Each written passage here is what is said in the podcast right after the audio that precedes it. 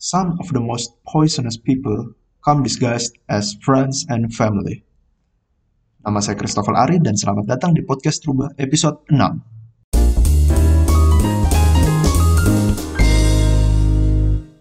Tumben banget anjir pakai quotes-quotes Tumblr di awal. uh, uh, saya yang membaca saya sudah merinding men saking saking bagus sekali terharu tapi intinya quotes di atas itu berkaitan dengan topik podcast episode 6 kali ini ya, yaitu mengenai toxic friendship. Jadi, toxic friendship sendiri ini istilah keren dari pertemanan yang tidak sehat. Saya yakin teman-teman semua sudah mengerti soal toxic friendship ini, atau bahkan udah ada yang mengalami sendiri kali ya. Atau jangan-jangan kalian yang jadi toxic friendnya. Iya. Nah, kayaknya semakin bertambah umur, mencari teman sepertinya semakin susah ya apalagi mempertahankan pertemanan itu.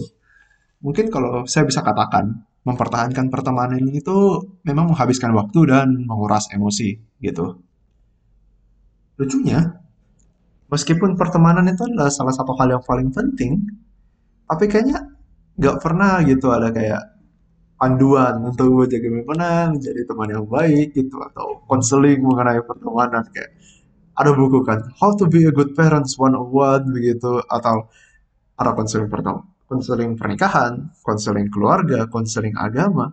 Tapi nggak pernah kayaknya kita dengar kata konseling pertemanan atau nggak tahu sih sayangnya sih nggak pernah dengar. Nggak tahu kalau saya kurang update ya mohon maaf. Di awal-awal pertemanan gitu kan kita kenalan dengan orang baru sayangnya kita nggak pernah bakal tahu gitu kita bakal punya chemistry yang bagus gitu atau enggak gitu. Tapi kalau kita selalu nggak membuka diri, tentu aja kita nggak bakal tahu. Makanya itu saya bilang, pertemanan memang menguras emosi. Uh, saya mau sharing dikit lah.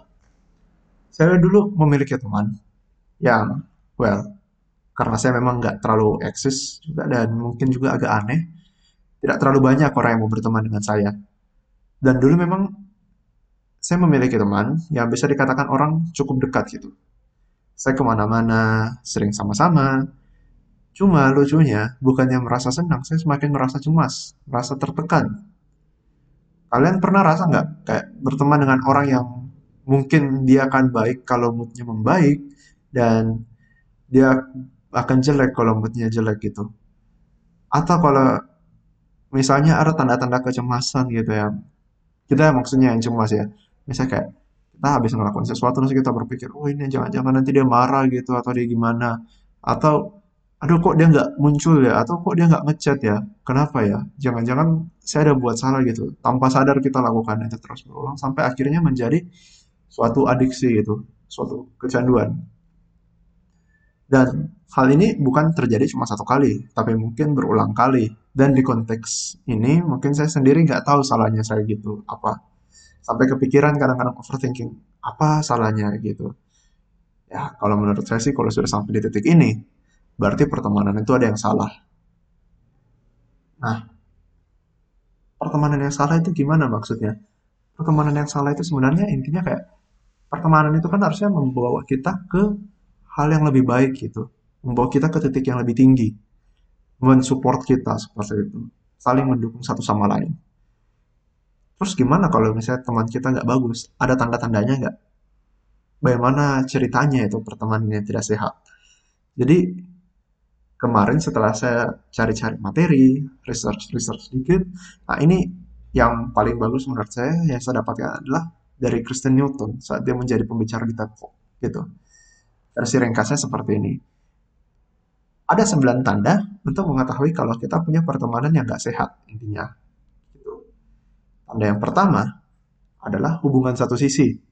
Seperti namanya, hubungan satu sisi itu ya kayak satu orang saja yang berusaha. Misalnya dalam kasus ini mungkin cuma Anda yang mengejar gitu. Dan cuma Anda yang berusaha untuk mempertahankan hubungan ini. Saya ingat memang dalam pertemanan saya itu yang saya ceritakan tadi. Kalau saya nggak mencari, saya juga nggak bakal dicari gitu. Kayak hilang aja. Jadi kalau seandainya memang saya nggak dibutuhkan, mereka juga nggak bakal nyari gitu. Jadi kayak emang bang serep, ban serep doang gitu. Dicari kalau ada butuhnya doang. Dan menurut saya itu sudah sangat melelahkan dan membuat saya menjadi dependen waktu itu ke orang itu. Dan Tentunya kalau seandainya kita sudah memulai dengan hubungan satu sisi seperti ini, otomatis ini sudah tentu saja bukan fondasi yang bagus dalam pertemanan. Kedua, yang kedua itu mereka tidak menghormati batasan-batasan kita.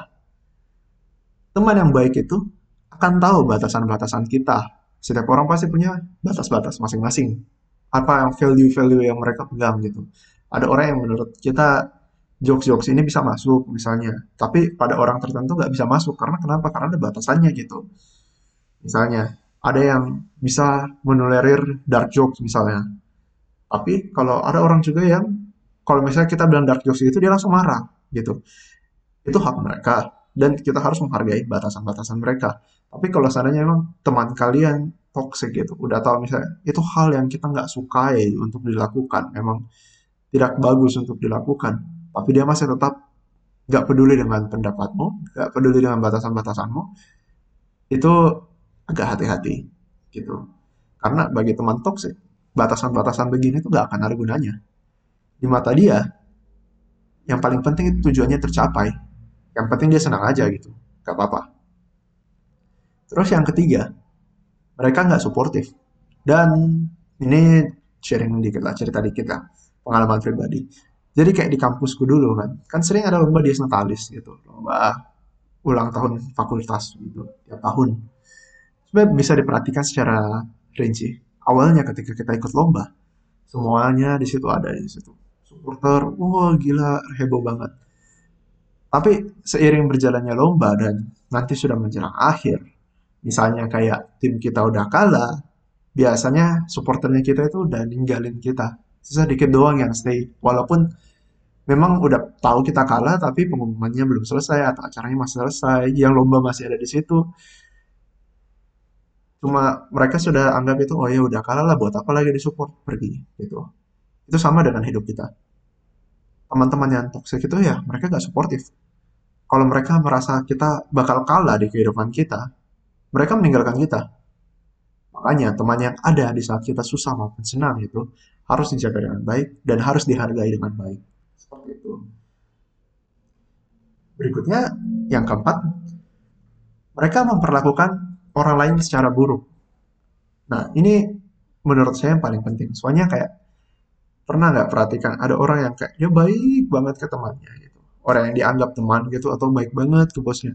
Tapi giliran ke orang lain yang menurut dia mungkin lebih di bawahnya dia atau tidak tahu juga siapa yang mereka pikirkan kadang ada yang mereka akan berlaku buruk misalnya paling sering itu kenanya ke pelayan pegawai toko atau orang lain pokoknya lah gitu kalau seandainya sudah ada mereka memperlakukan anda bak raja tiba-tiba baik aja ke anda tiba-tiba ke orang lain dia kayak memperlakukan orang itu dengan tidak baik gitu tidak respect gitu itu tanda red flag sih intinya kita harus menghormati semua orang, menghargai semua orang gitu. Semua orang ini manusia.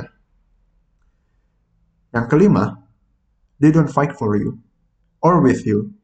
Ini agak susah sih kalau mau ditranslate. Soalnya kata fight yang satu kayaknya memiliki arti berjuang dan yang satu itu memang berantem. Karena memang intinya konflik dalam suatu hubungan itu adalah hal yang wajar, termasuk hubungan pertemanan, bukan cuma berlaku dalam hubungan keluarga ataupun hubungan asmara konflik yang diatasi dengan baik itu justru mempererat hubungan. Karena ketika terjadi rekonsiliasi, maka berarti akan ada pihak yang mengalah dan yang berarti maka membuat hubungan itu menguat. Mengapa bisa? Karena apabila seseorang mengalah, maka ego yang ada di dalam dirinya itu akan hilang. Slot ego itu hilang diganti dengan hal lain. Misalnya dengan hal tenggang rasa, misalnya rasa tenggang rasa. Akan tetapi, konflik yang diatasi dengan buruk malah dapat berakhir dengan hal lain. Misalnya kalau seandainya satu orang cuma yang mengalah terus, egonya akan hilang, tapi mungkin diganti dengan hal lain. Misalnya seperti kayak kepahitan misalnya gitu, benci, rasa benci. Oleh karena itu apabila ada konflik, tidak boleh konflik tersebut diselesaikan dengan berat pada satu pihak. Sebaiknya kedua pihak saling menghargai dan dengan begitu ego yang hilang akan ditutupi juga dengan hal yang baik. Kira-kira seperti itu. Yang keenam, kamu bukan prioritas. Ini simple, ya kamu bukan prioritas aja gitu. Jadi peka-peka lah kepada sekitar kita. Ada orang pasti yang mungkin membuat kita jadi prioritas. misalnya. Tapi ada juga yang nggak membuat kita jadi prioritas gitu. Misalnya kayak tiap kali kita dicari kayak mungkin kita pilihan ke 9 gitu atau pilihan ke 10 nanti lah kalau misalnya seandainya si A nggak ada baru nanti panggil aja si B gitu. Kayak gitu ini harus agak hati-hati. Kita harus lebih peka terhadap sekitar siapa yang membuat kita jadi prioritas. Tapi kalau seandainya memang belum ada yang membuat kita jadi prioritas, itu nggak apa-apa. Nanti cari pelan-pelan atau kita bisa jadi orang yang memprioritaskan teman kita dulu. Mungkin dengan kita memulai terlebih dahulu, teman kita juga akan memprioritaskan kita juga. Tapi ingat, lakukanlah hal baik karena untuk kebaikan, bukan karena mendapatkan timbal baliknya. Karena segala sesuatu yang Anda ekspektasikan dan jika tidak terwujud, itu bisa membuat Anda menjadi sedih dan marah. Seperti itu. Ketujuh, mereka nggak suka pembicaraan berat pembicaraan berat itu bukan hal bagi mereka. Mereka cuma mau senangnya aja. Makanya mereka menghindari percakapan berat itu. Kayak percakapan mengenai masa depan, kalian, bagaimana ke depannya, apa yang mau dibuat. Itu mereka nggak suka bicara kayak gitu. Karena mereka cuma mau senangnya aja. Jadi kalau kalian sudah punya teman-teman yang bisa diajak overthinking bersama, cari masalah keluar, eh cari jalan keluar masalah maksudnya, kalian sangat beruntung. Keep them. Jaga mereka. Pressure them. Kedelapan. Mereka kasar. Ini ini simple. Kasar itu is a big no no entah mereka memperlakukan dirimu dengan kekerasan baik fisik maupun verbal itu intinya kekerasan itu gak pantas. Gak. Ah, pokoknya red flag besar ini dan yang terakhir yaitu yang kesembilan ya karakter mereka emang jelek aja gitu. Seperti yang saya sudah katakan, mungkin campuran dari di atas atas. Banyak red flagnya, atau suka telat, gak teratur, egois, suka gaslighting, uh, dan lain-lain pokoknya. Memang emang dari sononya aja, sifatnya aja yang jelek gitu. Itu sudah sudahlah. Jadi sadar-sadar aja gitu. Tapi, tapi sebelum kalian memutus tali pertemanan kalian semua, saya hanya ingin mengatakan, jangan lakukan itu. List yang saya katakan ini bukan sebagai senjata atau alasan atau kriteria inklusi, eksklusi atau hal-hal lainnya. Tapi list ini hanyalah kompas, hanyalah penunjuk arah ketika kita sudah bingung dan kehilangan arah dalam pertemanan. Kita mau bawa ke mana pertemanan ini? Membuat teman saat dewasa memang sulit. Tapi jika kalian ingin membuat pertemanan yang baru, usahakan pertemanan itu menjadi pertemanan yang hebat, bukan toksik. Cara paling mudah untuk membuat pertemanan yang hebat adalah dengan kita juga menjadi teman yang hebat. Teman yang bisa membawa pertemanan kita ke level yang lebih tinggi, yang membuat kita berkembang. Mencari orang baru sebagai teman yang komplit, sempurna, itu sepertinya mustahil, karena semua pasti ada kekurangan. Semua manusia pasti ada kekurangannya.